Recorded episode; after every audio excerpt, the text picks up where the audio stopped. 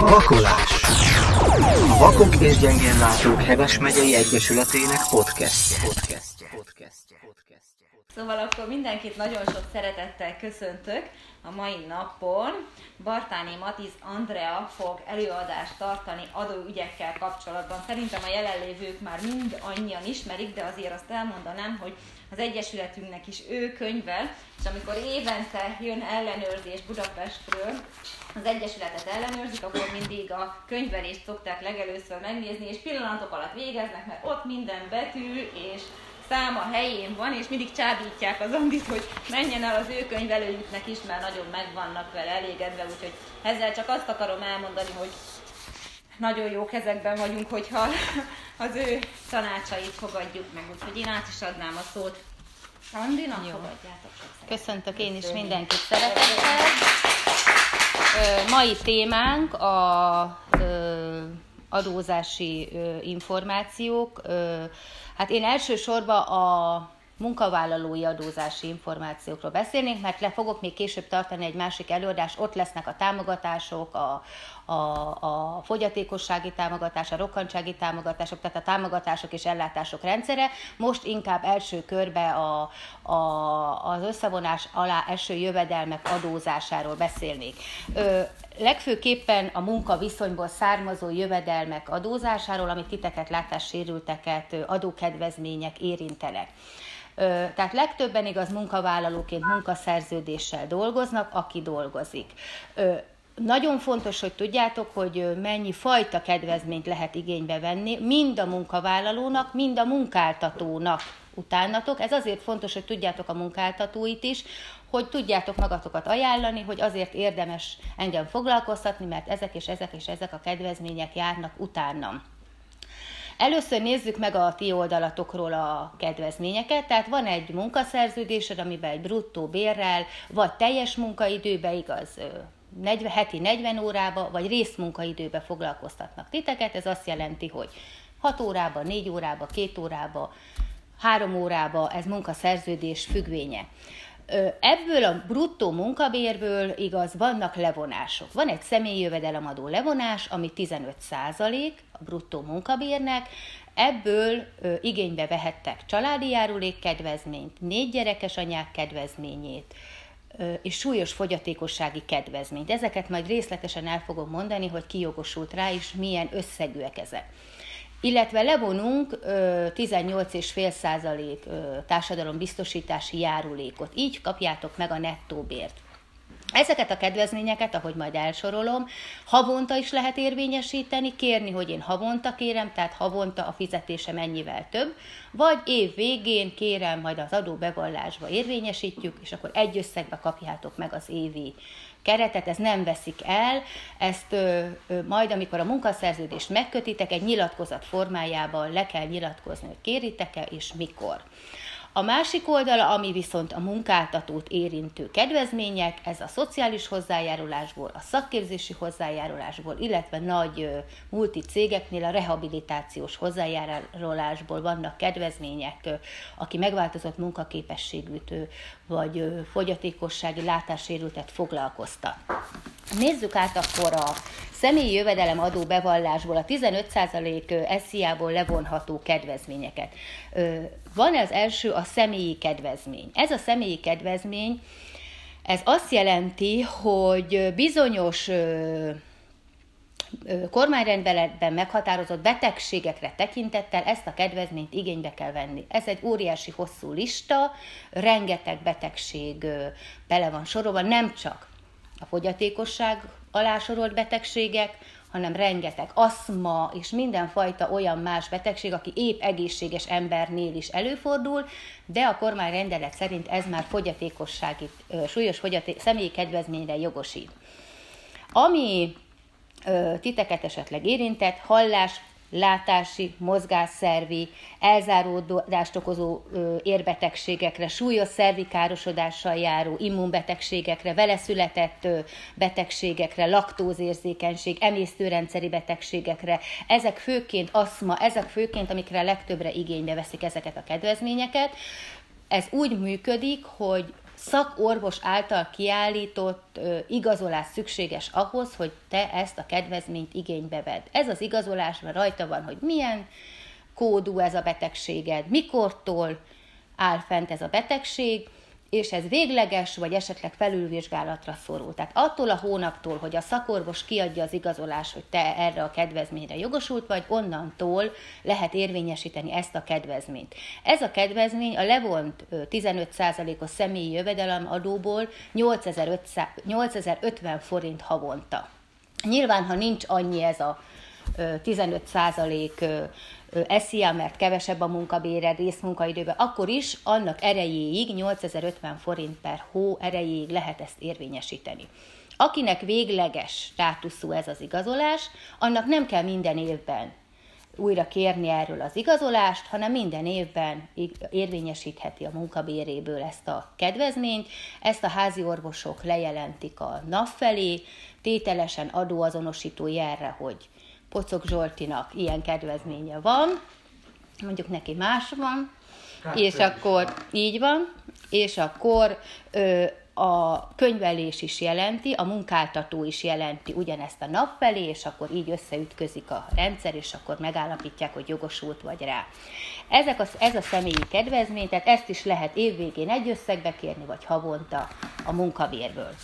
Másik kedvezmény a négy gyereket nevelők anyák kedvezménye, ez azt jelenti, hogy aki az jogosult erre, aki családi pótlékra jogosult volt 12 évig legalább a gyereke után, tehát ez azt jelenti, hogy egy 25 éves gyerek után is lehet igényelni, vagy egy 30 éves gyerek után is lehet igényelni, mert 12 évig jogosult voltam a családi pótlékra, tehát utána is ö, ö, jogosult vagyok, sőt, akár halva született gyerekre is, tehát ezek a kedvezmények nagyon tágkörűek, aki négy gyereket nevel, az, azoknak nagyon kedvező, vagy ötöt, vagy hatot, vagy többet. Emellett lehet érvényesíteni a családi járulék kedvezményt, ami szintén egyrészt a gyerekekre érvényes, egy gyerek után, két gyerek után, minden gyerek után, egy gyerek után 10 ezer forint, két gyerek után 30 ezer forint, és gyerekenként növekszik ez a havi összeg, és a négy gyereket nevelő kedvezmény mellett is lehet ezt érvényesíteni, mert a családi járulék kedvezmény nem csak a személyi jövedelemadóból lehet érvényesíteni, hanem amit levonunk TB járulékot, abból is lehet érvényesíteni, ha nem futja ez a személyi jövedelemadó dolog illetve családi járulék kedvezmény jár még nem csak a gyerekek után, hanem például ti esetetekben is van ilyen, hogyha saját jogon kapjátok a családi pótlékot, azok is igénybe vehetik, vagy akikre tekintettel rokkantsági járadékot folyósítanak, vagy pedig ö, magzatnál, ha 91. napot eléri, akkor szintén lehet ezt a családi járulék kedvezményt igénybe venni, tehát itt a, a látássérülteknél többször tapasztaltam olyat, hogy saját jogom voltak családi pótlékra jogosultak, tehát nem volt gyermekük, mégis a családi járulék kedvezményt így ö, igénybe tudták venni, ami egy eltartott esetén igaz 10 ezer forint ö, havonta.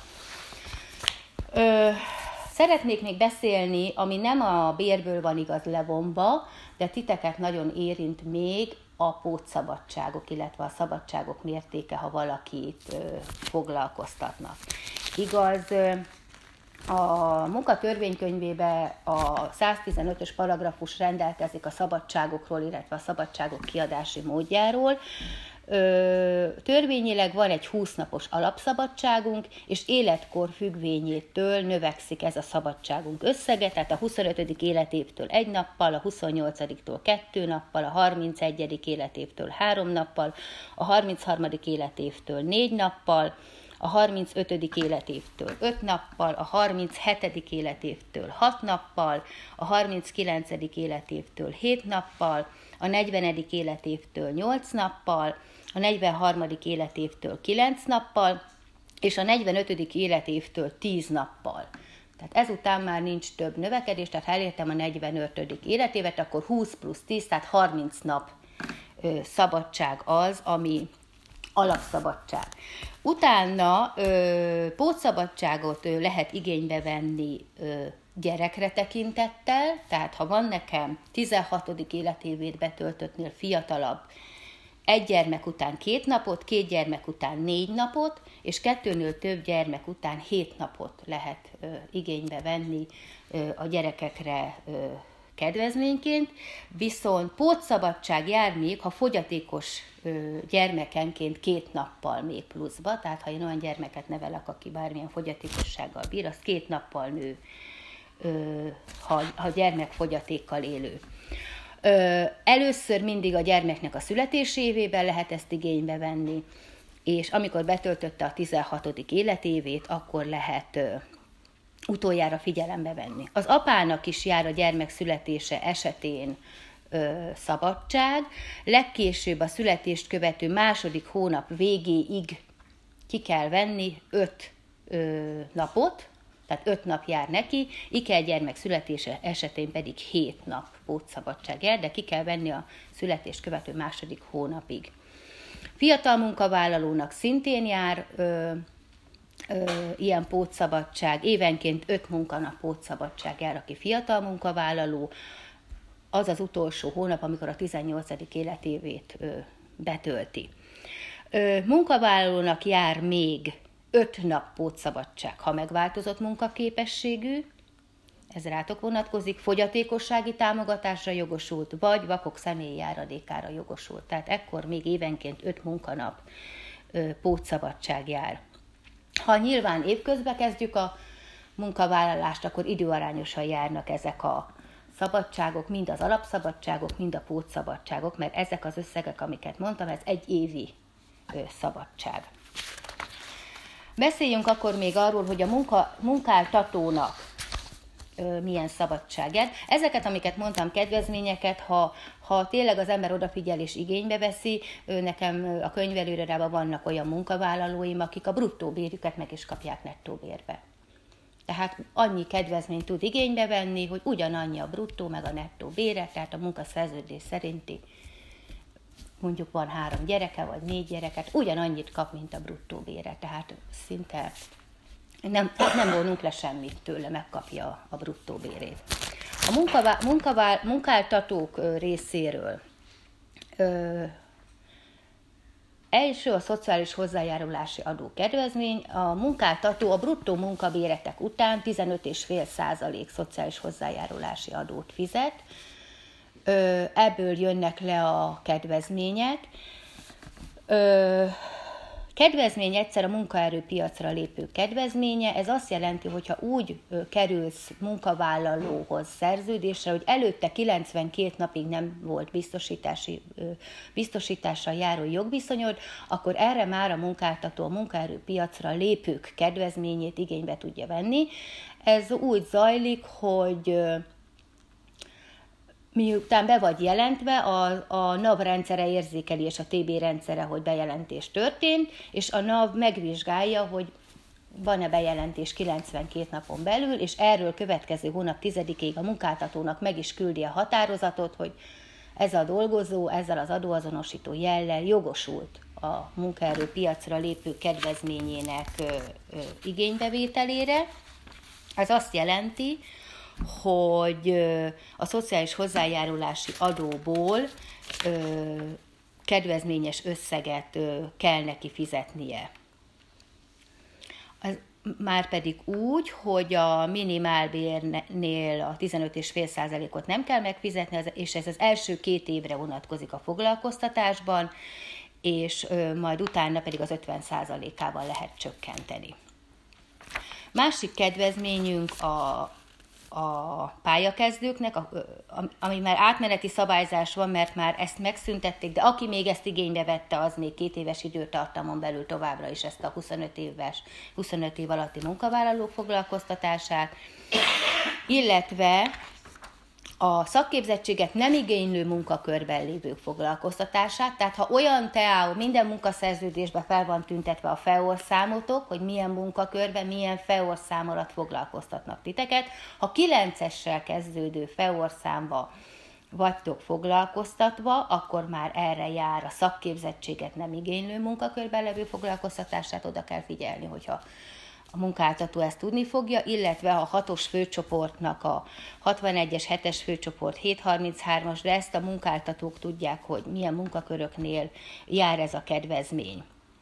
Itt is az adó mérték 50%-ával megállapított összeget a minimál erejéig nincs, utána pedig az 50%-áig.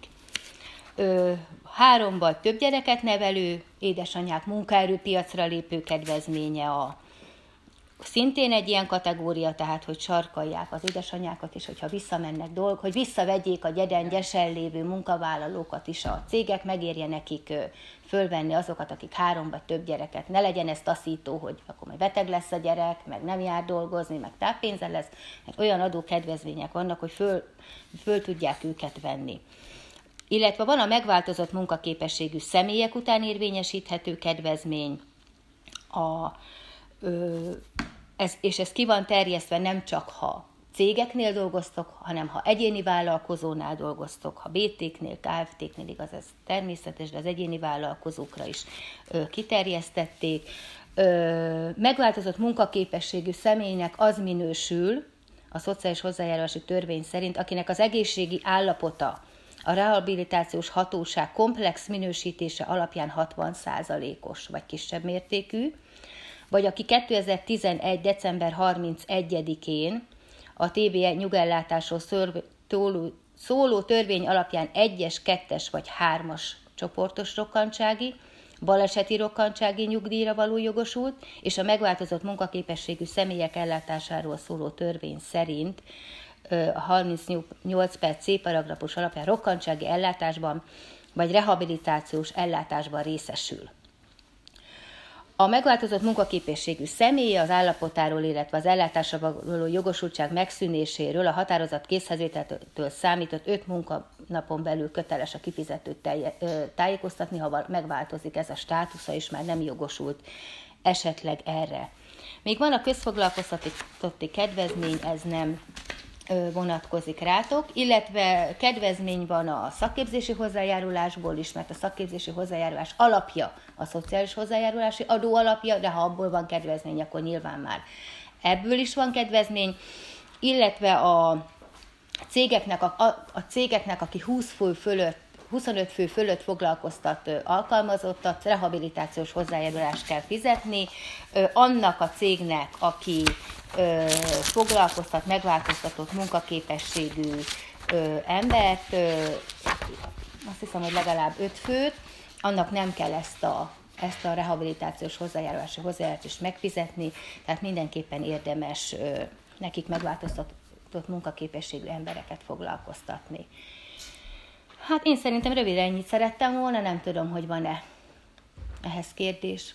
Akkor én nagyon szépen megköszönöm, Andi. Szerintem nagyon alapos és körülölelt mindent, ami esetleg érintett, ami